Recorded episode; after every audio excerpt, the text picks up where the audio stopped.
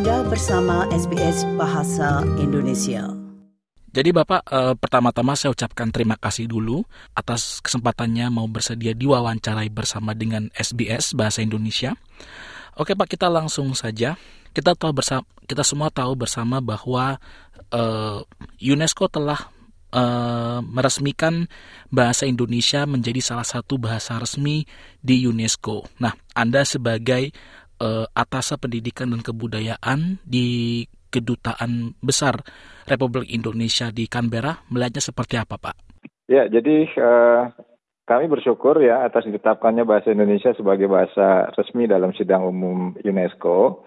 Karena hal ini menunjukkan bahwa bahasa Indonesia itu semakin diakui sebagai bahasa kebudayaan dan pengetahuan dunia.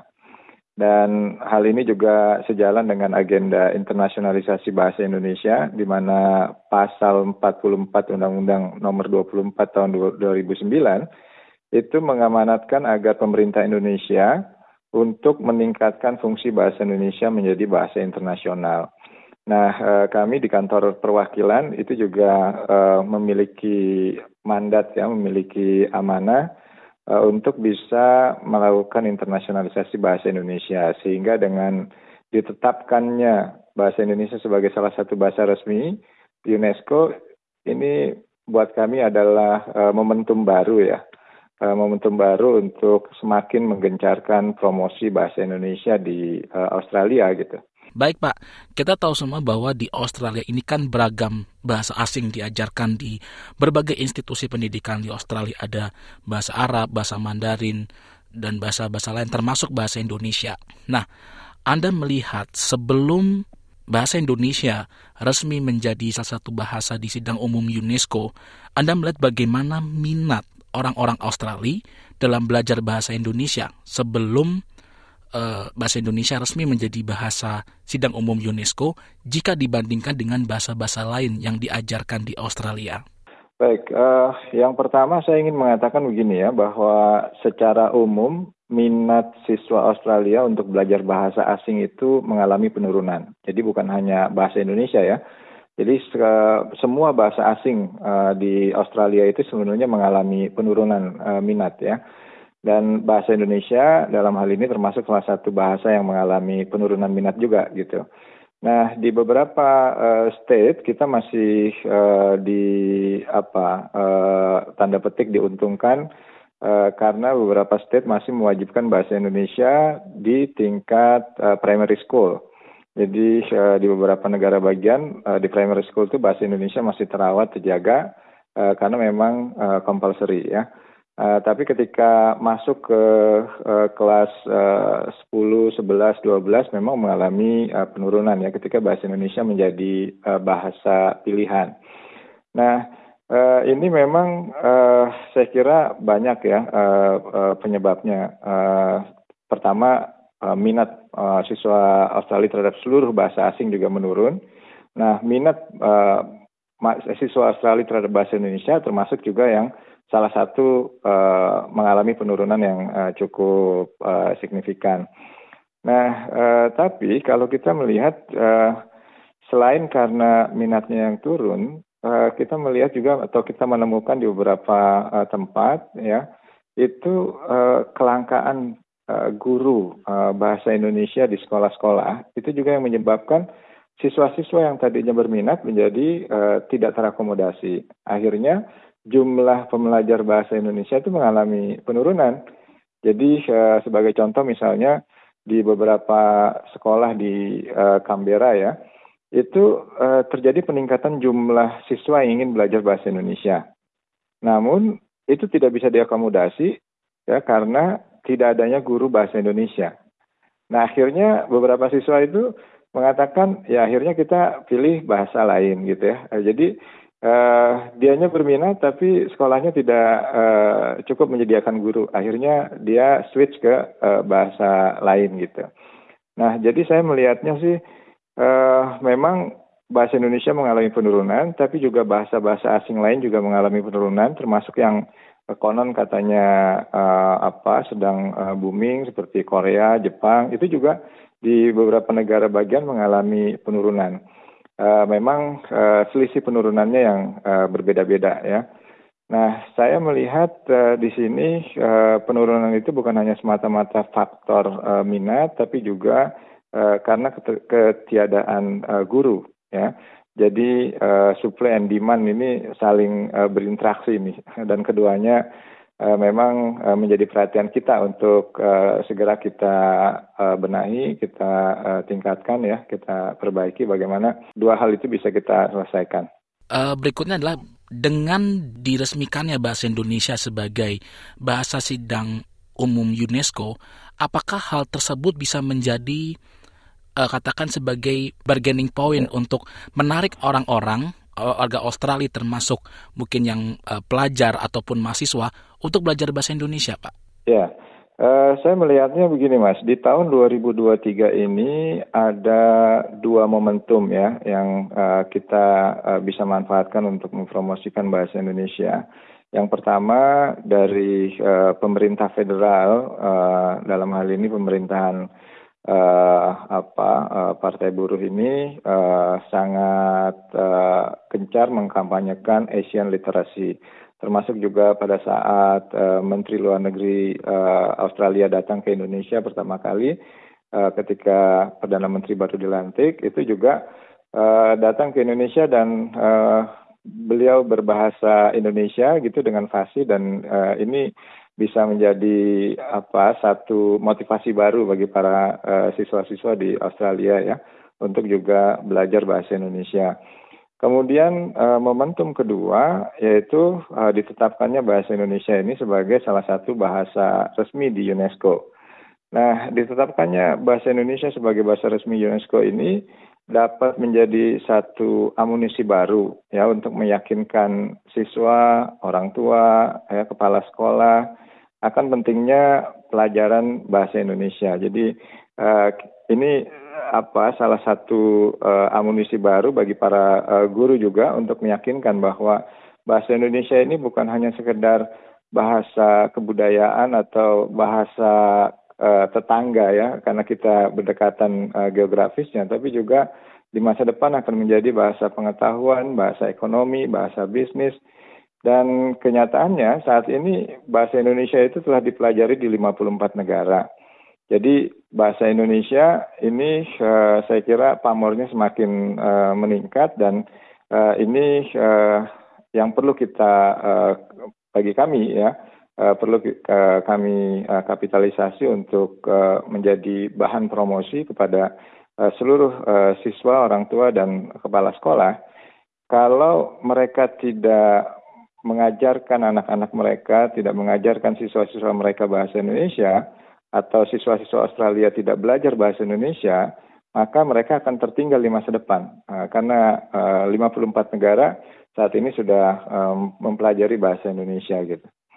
Setelah diresmikan sebagai bahasa resmi UNESCO, apa mungkin peran uh, peran Bapak sebagai uh, atas pendidikan dan kebudayaan di Kedutaan Besar Republik Indonesia di Canberra?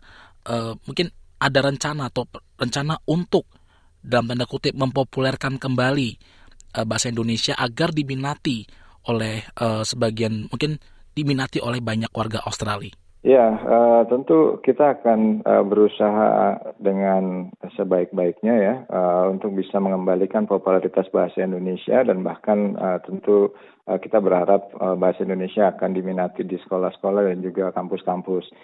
Nah, uh, kita melihatnya kita ingin uh, memperbaiki dari dua sisi. Pertama dari sisi supply, ya, di mana banyak sekolah uh, tidak memiliki guru yang cukup untuk mengajarkan bahasa Indonesia, ya.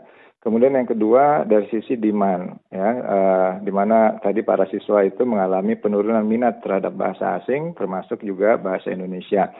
Jadi memperbaiki supply and demand ini kita akan lakukan secara simultan. Nah, dari sisi supply ya, kita akan membantu sekolah-sekolah yang membutuhkan guru bahasa Indonesia ya, dengan mengirimkan uh, guru bantu. Nah, uh, sepanjang tahun 2023 ini kita sudah mengirimkan guru bantu ke berbagai sekolah ya, di Melbourne, di Canberra, di Adelaide ya, uh, dan juga uh, apa di tempat-tempat lain. Nah, tentu kita ingin tidak ada sekolah yang di situ ada murid yang ingin belajar bahasa Indonesia, tapi dia tidak bisa belajar bahasa Indonesia karena tidak ada guru. Nah, karena itu kita ingin menawarkan kepada sekolah-sekolah di uh, Australia yang membutuhkan guru bantu, kita akan mengirimkan guru bantu. Nah, tentu jika memungkinkan, kita juga dapat membantu uh, sekolah-sekolah mengundang guru tetap ya dari Indonesia. Jadi untuk memenuhi kelangkaan uh, guru bahasa Indonesia di sekolah-sekolah uh, Australia. Tapi itu kan uh, ada prosedur-prosedur persyaratan-persyaratan yang uh, masih perlu kita uh, bicarakan lebih uh, jauh lagi. Nah, tapi tahap awal dengan pengiriman guru bantu itu kita ingin memperbaiki dari sisi uh, supply ya. Jadi jangan sampai ada sekolah yang tidak bisa mengajarkan bahasa Indonesia karena tidak ada guru. Nah, kemudian yang kedua dari sisi demand ya, kita ingin melakukan promosi yang lebih masif ya dan komprehensif itu mencakup promosi bahasa Indonesia kepada siswa, orang tua, dan kepala sekolah karena ketiganya kita yakini merupakan aktor yang uh, berpengaruh dalam penentuan keputusan pelajaran bahasa Indonesia. Jadi uh, siswa mau belajar bahasa Indonesia bisa jadi uh, dipengaruhi oleh orang tua atau juga bisa jadi karena keputusan dari kepala sekolah ya. Misalnya kalau kepala sekolah bisa mewajibkan pelajaran bahasa Indonesia untuk kelas uh, 10 sampai kelas 12 misalnya seperti yang terjadi di beberapa sekolah Uh, tentu ini akan uh, mendorong uh, siswa-siswa untuk belajar bahasa Indonesia. Uh, kalau orang tuanya juga bisa kita yakinkan bahwa bahasa Indonesia adalah bahasa yang penting uh, untuk dipelajari oleh, oleh anak-anaknya, ini juga akan mempengaruhi siswa untuk belajar bahasa Indonesia. Uh, tapi tentu uh, siswa sendiri juga harus bisa kita motivasi untuk belajar bahasa Indonesia. Karena itu uh, program Indonesian Goes to School yang uh, kita uh, laksanakan itu akan kita lakukan juga secara masif ya. Uh, jadi kita akan datang ke sekolah-sekolah ya untuk mengenalkan budaya Indonesia, mengenalkan Indonesia dan juga uh, mengenalkan bahasa Indonesia. Kemudian kita juga mengundang sekolah-sekolah untuk datang ke uh, KBRI ya uh, ke kan, ke juga kantor-kantor perwakilan kita di uh, negara bagian yang lain untuk bisa berinteraksi secara langsung, mengenal kebudayaan Indonesia, mengenal Indonesia secara langsung di eh, kantor-kantor uh, perwakilan Indonesia. Nah, uh, harapannya dengan begitu mereka menjadi tertarik ya untuk belajar bahasa Indonesia. Kita juga uh, mengundang siswa-siswa untuk bisa berkunjung ke Indonesia secara langsung. Dan kita juga apa namanya ingin meningkatkan uh, koordinasi dengan Asosiasi Guru Bahasa Indonesia di Australia ya seperti uh, di Victoria misalnya ada Victoria Indonesia Language Teacher Association, kemudian di uh, Western Australia ada uh, West Western Australia Indonesian Language Teacher Association, kemudian di Adelaide ada uh, Indonesian Teachers Network ya Intan. Nah, uh, selain itu juga di setiap uh, negara bagian kita punya yang namanya Balai Bahasa dan Budaya uh, Indonesia, ya BBI di uh, New South Wales, di uh, Victoria, di Western Australia, di Queensland. Nah, itu juga kita ingin uh, melakukan koordinasi dan sinergi yang lebih baik lagi ya untuk bisa mempromosikan bahasa Indonesia di uh, Australia. Nah, sementara itu untuk pembelajar bahasa Indonesia di luar kampus dan sekolah ya kalau kampus dan sekolah tadi uh, apa namanya variabelnya uh, ketersediaan guru dan uh, adanya minat uh, para siswa ya. Nah, untuk pembelajar bahasa Indonesia di luar kampus dan sekolah, kita juga uh, menyediakan kelas-kelas uh, bahasa Indonesia ya bagi orang dewasa. Jadi uh, ini untuk memenuhi keinginan masyarakat Australia di luar uh, kampus dan sekolah yang ingin belajar bahasa Indonesia, baik untuk kepentingan bisnis, uh, untuk kepentingan traveling, atau sekedar karena mereka uh, cinta bahasa Indonesia gitu ya. Kalau di uh, Canberra misalnya uh, apa namanya uh, Australia Indonesia Association uh, itu uh, menyelenggarakan kelas-kelas bahasa Indonesia ya. Uh, selama ini uh, diselenggarakan di uh, pusat kebudayaan Indonesia di uh, Canberra. Uh, dan uh, mereka juga menyelenggarakan kelas uh, online. Nah, kemudian di uh, Perth misalnya itu Balai Bahasa Indonesia Perth itu juga menyelenggarakan kelas bahasa Indonesia untuk orang dewasa.